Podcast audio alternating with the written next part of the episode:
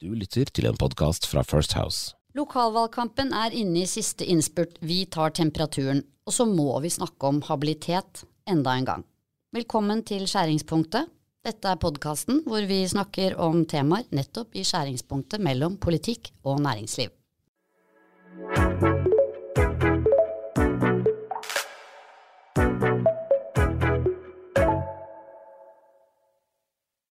Mitt navn er Cecilie Ditlev Simonsen. Jeg er partner i First House, og det er de to kollegene mine i studio også. Det er Sigbjørn Aanes Hei, hei. og Jon Georg Dale. Hallo!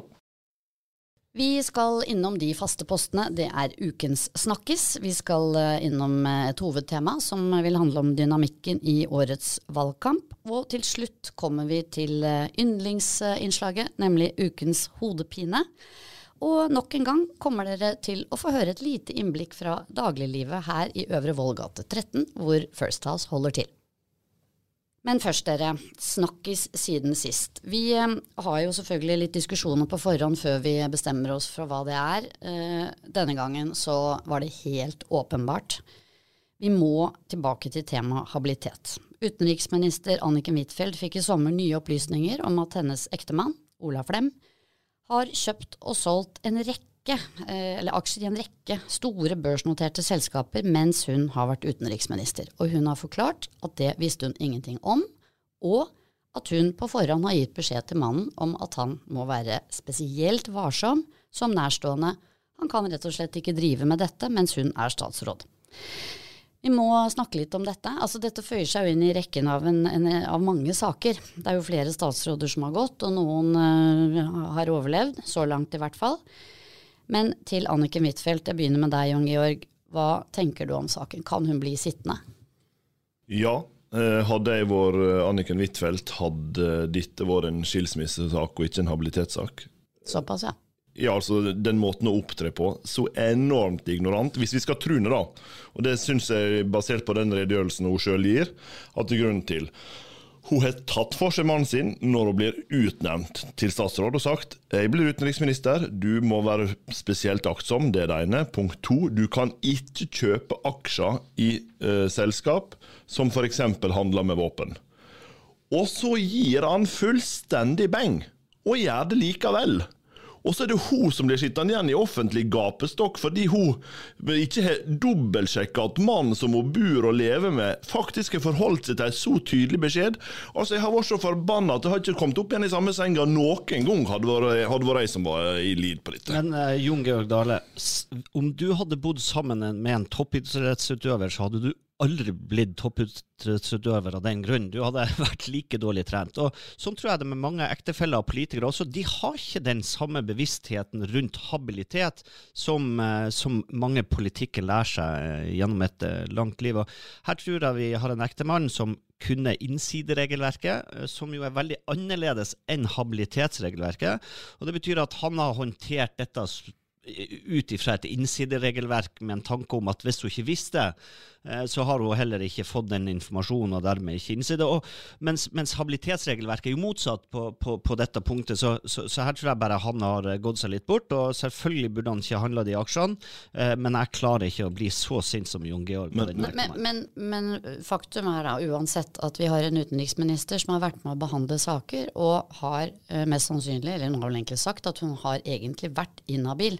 Uvitende inhabil. Uvitende inhabil, som er liksom et nytt eh, begrep. Uvitende inhabil i disse sakene. Og likevel så blir hun sittende, og dere mener at hun bør bli sittende, med mindre det dukker opp noe som vi nå ikke Ja, men, men, men det handler om at i habilitetsregelverket så uh, kommer vi litt tilbake til tillitsspørsmålet som et eget tema. Men, men i habilitetsregelverket nå så betyr det at du ikke skal delta i behandling av saker der du har egne særegne interesser.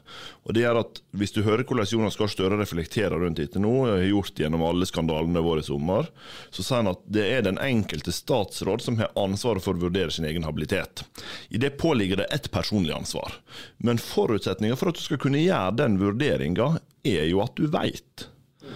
Eh, Og når folk da holder deg i blinde, og du ikke kunne vite, så er liksom spørsmålet hvor stort ansvar skal vi legge på Anniken Huitfeldt for å holde seg oppdatert på enhver transaksjon mannen har gjort, når hun har gitt beskjed om at han ikke må kjøpe våpenaksjer? Mye tyder jo på altså Åpenbart statsministeren tror på henne, og hun fremstår troverdig. De fleste kommentatorer har vel eh, egentlig sagt og ment det også. Men dere, habilitet, hvorfor er det egentlig så vanskelig? Nei, det, det, er et kjempegodt spørsmål, for habilitet er egentlig ikke eh, så vanskelig. Eh, jo da, av og til kan det nok være, være krevende i grenseoppgangen mellom når du er så nær med noen at du er habil eller, eller ikke, eller, eller hvilke in, interesser du har. Men, men, i utgangspunktet er ikke habilitetsspørsmålet eh, veldig vanskelig. Så, så det er litt overraskende over at, at det er hele fire statsråder som har gått seg vill i dette. Det er ganske mye for et regelverk som er så viktig. Men igjen, der er jo Anniken annerledes, for, det, for, for hun, der er det jo ektemann egentlig som har skapt utfordringer, mens de tre andre de har uh, klart å skape de utfordringene helt på egen hånd. Begrepet nærstående har jo nå fått uh, økt betydning, uh, både i politikk og næringsliv. Vi vet jo fra en del av våre egne kunder også at man strammer opp habilitetsregelverk og regler for også handel av aksjer. Vi har jo vårt eget regelverk i First House som er veldig klart og tydelig. Eh, men også der tror jeg vi kommer til å eh, skal vi si, utvide opplæringen knyttet til dette med nærstående. Fordi ditt, at det, det, det, må ha økt bevissthet. Ja, men dette oser jo av, av amatørenes aften. ikke altså, det vi gjør i First House. Nei, men, men det som regjeringen har holdt med på, for, for det, dette skal ikke være vanskelig. og det uh, jeg tenker liksom For oss som skal bevege oss i skjæringspunktet mellom politikk og næringsliv, da.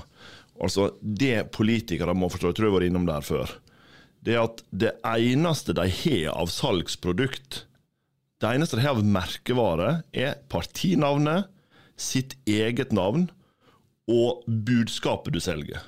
Du er helt pokka nødt til å ha tillit. Og så skjønner du at når du ikke har ei vare å selge, men bare det, som betyr at det krever noen helt ekstreme vurderinger rundt hvor går grensene. Det er ingen som unner deg ei krone mer enn du fortjener.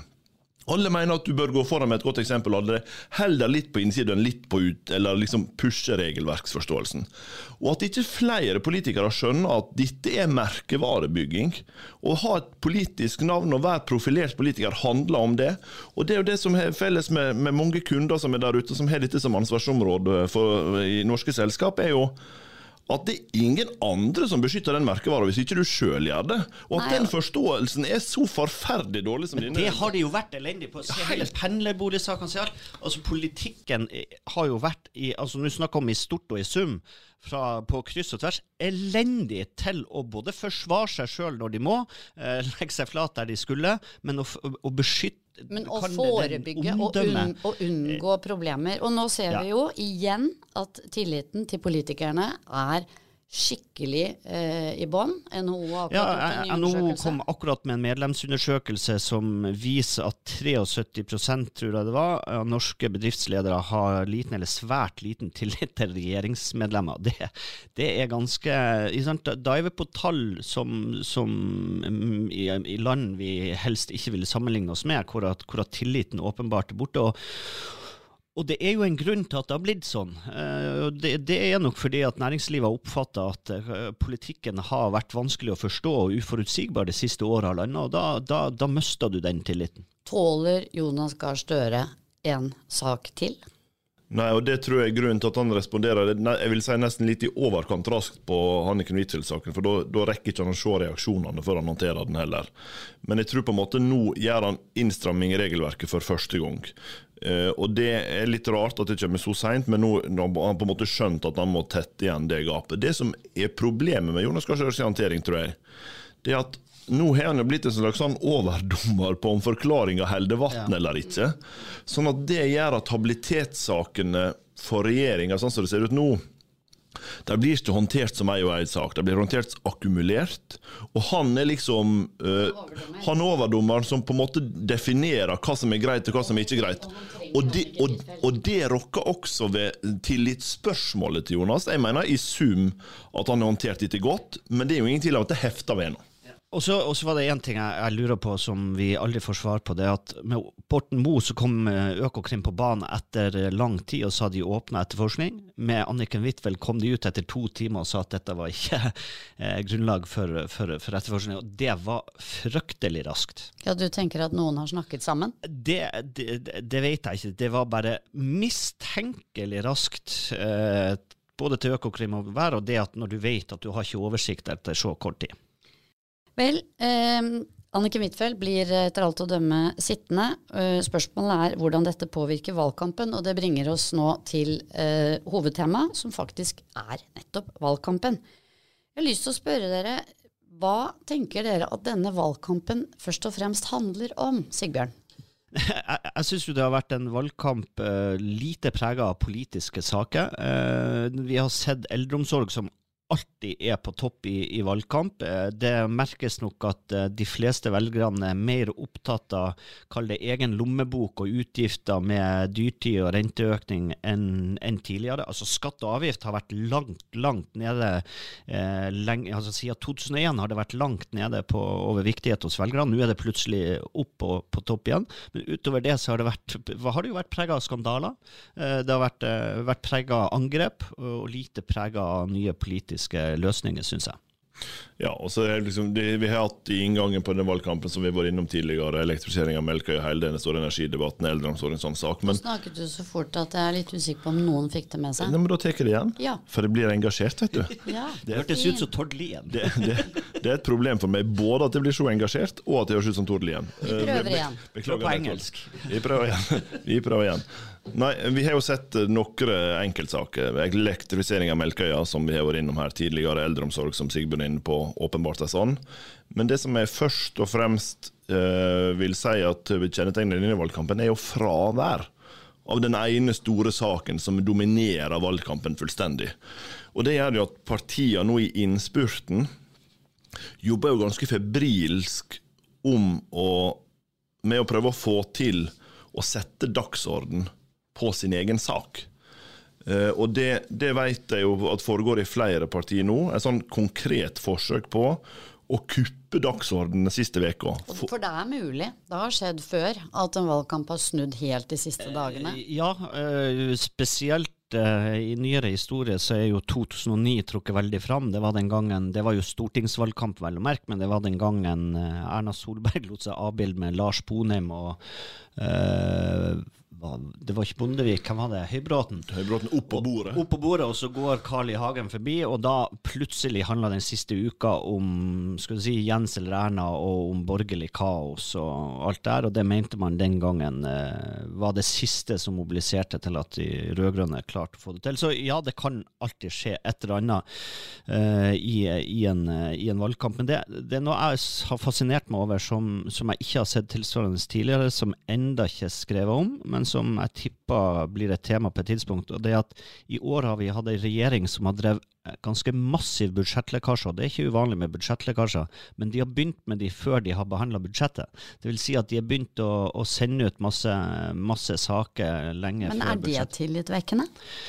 Altså, det, tror ikke, det tror jeg ingen tenker så mye på, for å være helt ærlig. Bare, det var bare interessant mye av det før, før budsjettet, konferansen og budsjettet var behandla. Og, og det kan, noe av det skal man sikkert kunne leve med. Men det, det, viktige i den konteksten er jo at vi ikke havner i, tilbake i den koronasporet hvor at budsjettet nå du behandler mange ganger i løpet av et år. Men jeg tror et par ting som er verdt å reflektere over. Det ene er at antall forhåndsstemmer går vesentlig opp. Det betyr at en av de tingene som eh, påvirker denne valgkampen, er hvor tidlig var partiene i form. Sånn at en del av de som kommer i Arbeiderpartiet begynte sin valgkamp ganske sent. Ja, men, men det betyr at f.eks. de partiene som, som, nå kommer i form mot slutten av valgkampen, de kan være for seint ute, fordi det er så ja, stor andel forhåndsstemmer. Det er det ene. Det andre som jeg tenker er verdt å tenke over i den situasjonen en er nå, er jo spørsmålet rundt liksom enkeltsaker, profilering, som vi nå ser at flere partiledere liksom gjør. Og partilederne blir jo ofte en uforholdsmessig stor aktør i en lokalvalgkamp. Men jeg tenkte over dette jeg så partilederdebatten på TV 2. For den var ca. 250 000 som så, eller noe slikt. Ja, det... det er jo Ingenting. Ingen så den. Sånn at av og til lurer jeg på om reaksjonen på partilederdebatten er viktigere for folks valg enn debatten i seg sjøl. Så terningkasta, kommentatorenes oppsummering av valgkampen, den generelle holdninga som liksom nå diskusjonen som jeg tror er litt i samfunnet nå, er regjeringa kompetent, eller er det bare rot, må vi ha en annen gjeng? Som ikke aviskommentatorene eller mediekommentatorene hadde store nok ego fra før. Nei, men, men jeg tror liksom metadiskusjonen blir nesten like viktig som en del av de viktige partilederdebattene som unge forbereder seg til. Og Det er også et interessant fenomen med valgkampen. Og det, og det er nok riktig, men så tror jeg det er sånn at når folk kom tilbake fra ferie Vi ser ofte et skift i, når folk kommer hjem fra ferie. Det så vi tydelig i 2017, hvor vi husker at vi gikk inn i ferien den gangen og nærmest alle hadde bestemt at dette valget var tapt for Høyre og Erna Solberg. og vi kom tilbake fra ferie og opplevde at folk hadde fått ei annen holdning. Og, og, der tror jeg vi ser også i år, når de kom tilbake i august, uh, er at du oppdaga at det var ikke Jonas og Erna som skulle velges. Det er, det, er mange, det er, lokale valg rundt omkring. og Derfor så ser du at i Tromsø går det bra for Arbeiderpartiet. Det, det er tøffere i Oslo enn det er andre plasser. og Lokale valgkamper har faktisk også noe å si og har en betydning. Se på Ålesund og Frp f.eks. Det er ikke noe tvil om at de politiske lokale sakene i Ålesund betyr noe for nå om Frp eller Høyre ender opp med, å bli størst. Der blir vel Arbeiderpartiet nummer tre. Så, så det er mange valgkamper, og de, de har faktisk en betydning. Og, og, det er jo ikke Erna og Jonas skal velges. Du nevnte Oslo. Hva, hva, tror vi på? Tror vi at det er uh, Raymond Johansen eller Eirik Lahl Solberg som er byrådsleder etter valget? Det eh, tror jeg, sånn som det ser ut nå, at det er Eirik Lahl Solberg. Men det er som sist. Det er ikke nødvendigvis Raymond Johansen som berger valget for rød-grønn side i Oslo, det er alle de andre partiene. Og det illustrerer også en litt større sammenheng, syns jeg. Nemlig det faktum at det blir stadig flere partier men de mener mer og mer det samme. Uh, og det, det, er klart at det, det utfordrer for så vidt litt av styringsmodellene, og det ser vi kanskje også i en del store byer med relativt store bystyre er jo at da blir det plass til alle partier i liksom det som vi er vant med. Nå ser jo nesten partilederdebatten ut som et folkemøte i seg sjøl, for det er så mange av dem. Men i tillegg til det så kan INP komme, det kan være lokale lister, det kan være bygdelister mange plasser. Sånn at det politiske spekteret og valgmulighetene øker. Og det forsvinner stadig flere velgere ut av de store partiene og ned i disse småpartiene, og gjør styringsmodellene etter valget litt vanskeligere for disse tradisjonelle styringspartiene. Og det har jo også konsekvenser for meningsmålingene som eh, vi følger med på. Um, og der har det jo faktisk vært, kan vi kalle det en skandale, med et av analyseselskapene som jo har gått ut med feil tall. Ja, i Trondheim, ja. Eh, som gjorde at det så Ikke bare i Trondheim, det, det var også ei, et annet sted. Nå må noen arrestere meg hvis det er feil, men jeg lurer på om det var Tele Telemark, Vestfold eller noe sånt. Poenget er bare at jeg la meg jo overraske over at media fortsatt bruker Infect. VG slutta vel med de etter 2017-valget, tror jeg, fordi at det har, altså Infects metoder har vært omdiskutert uh, også tidligere. Og vi har jo sett hvordan målinger får stadig viktigere plass i, i valgkamper, så det er faktisk litt overraskende, syns jeg, at de fremdeles fremdeles brukes. Og så tror jeg en ting som er viktig med meningsmålinger, og alle partiledere som kommenterer meningsmålinger, sier alltid dette er enkeltmåling og bla, bla, bla. Men for parti og organisasjon som driver valgkamp, la oss huske på det, det er 60 000 mennesker som nå aktivt står på liste og driver denne valgkampen rundt om i hele landet. For dem betyr følelsen av at det går bra, noe for sjøltilliten de står på stand med, noe med overbevisninga i måten de snakker med velgerne sine direkte på.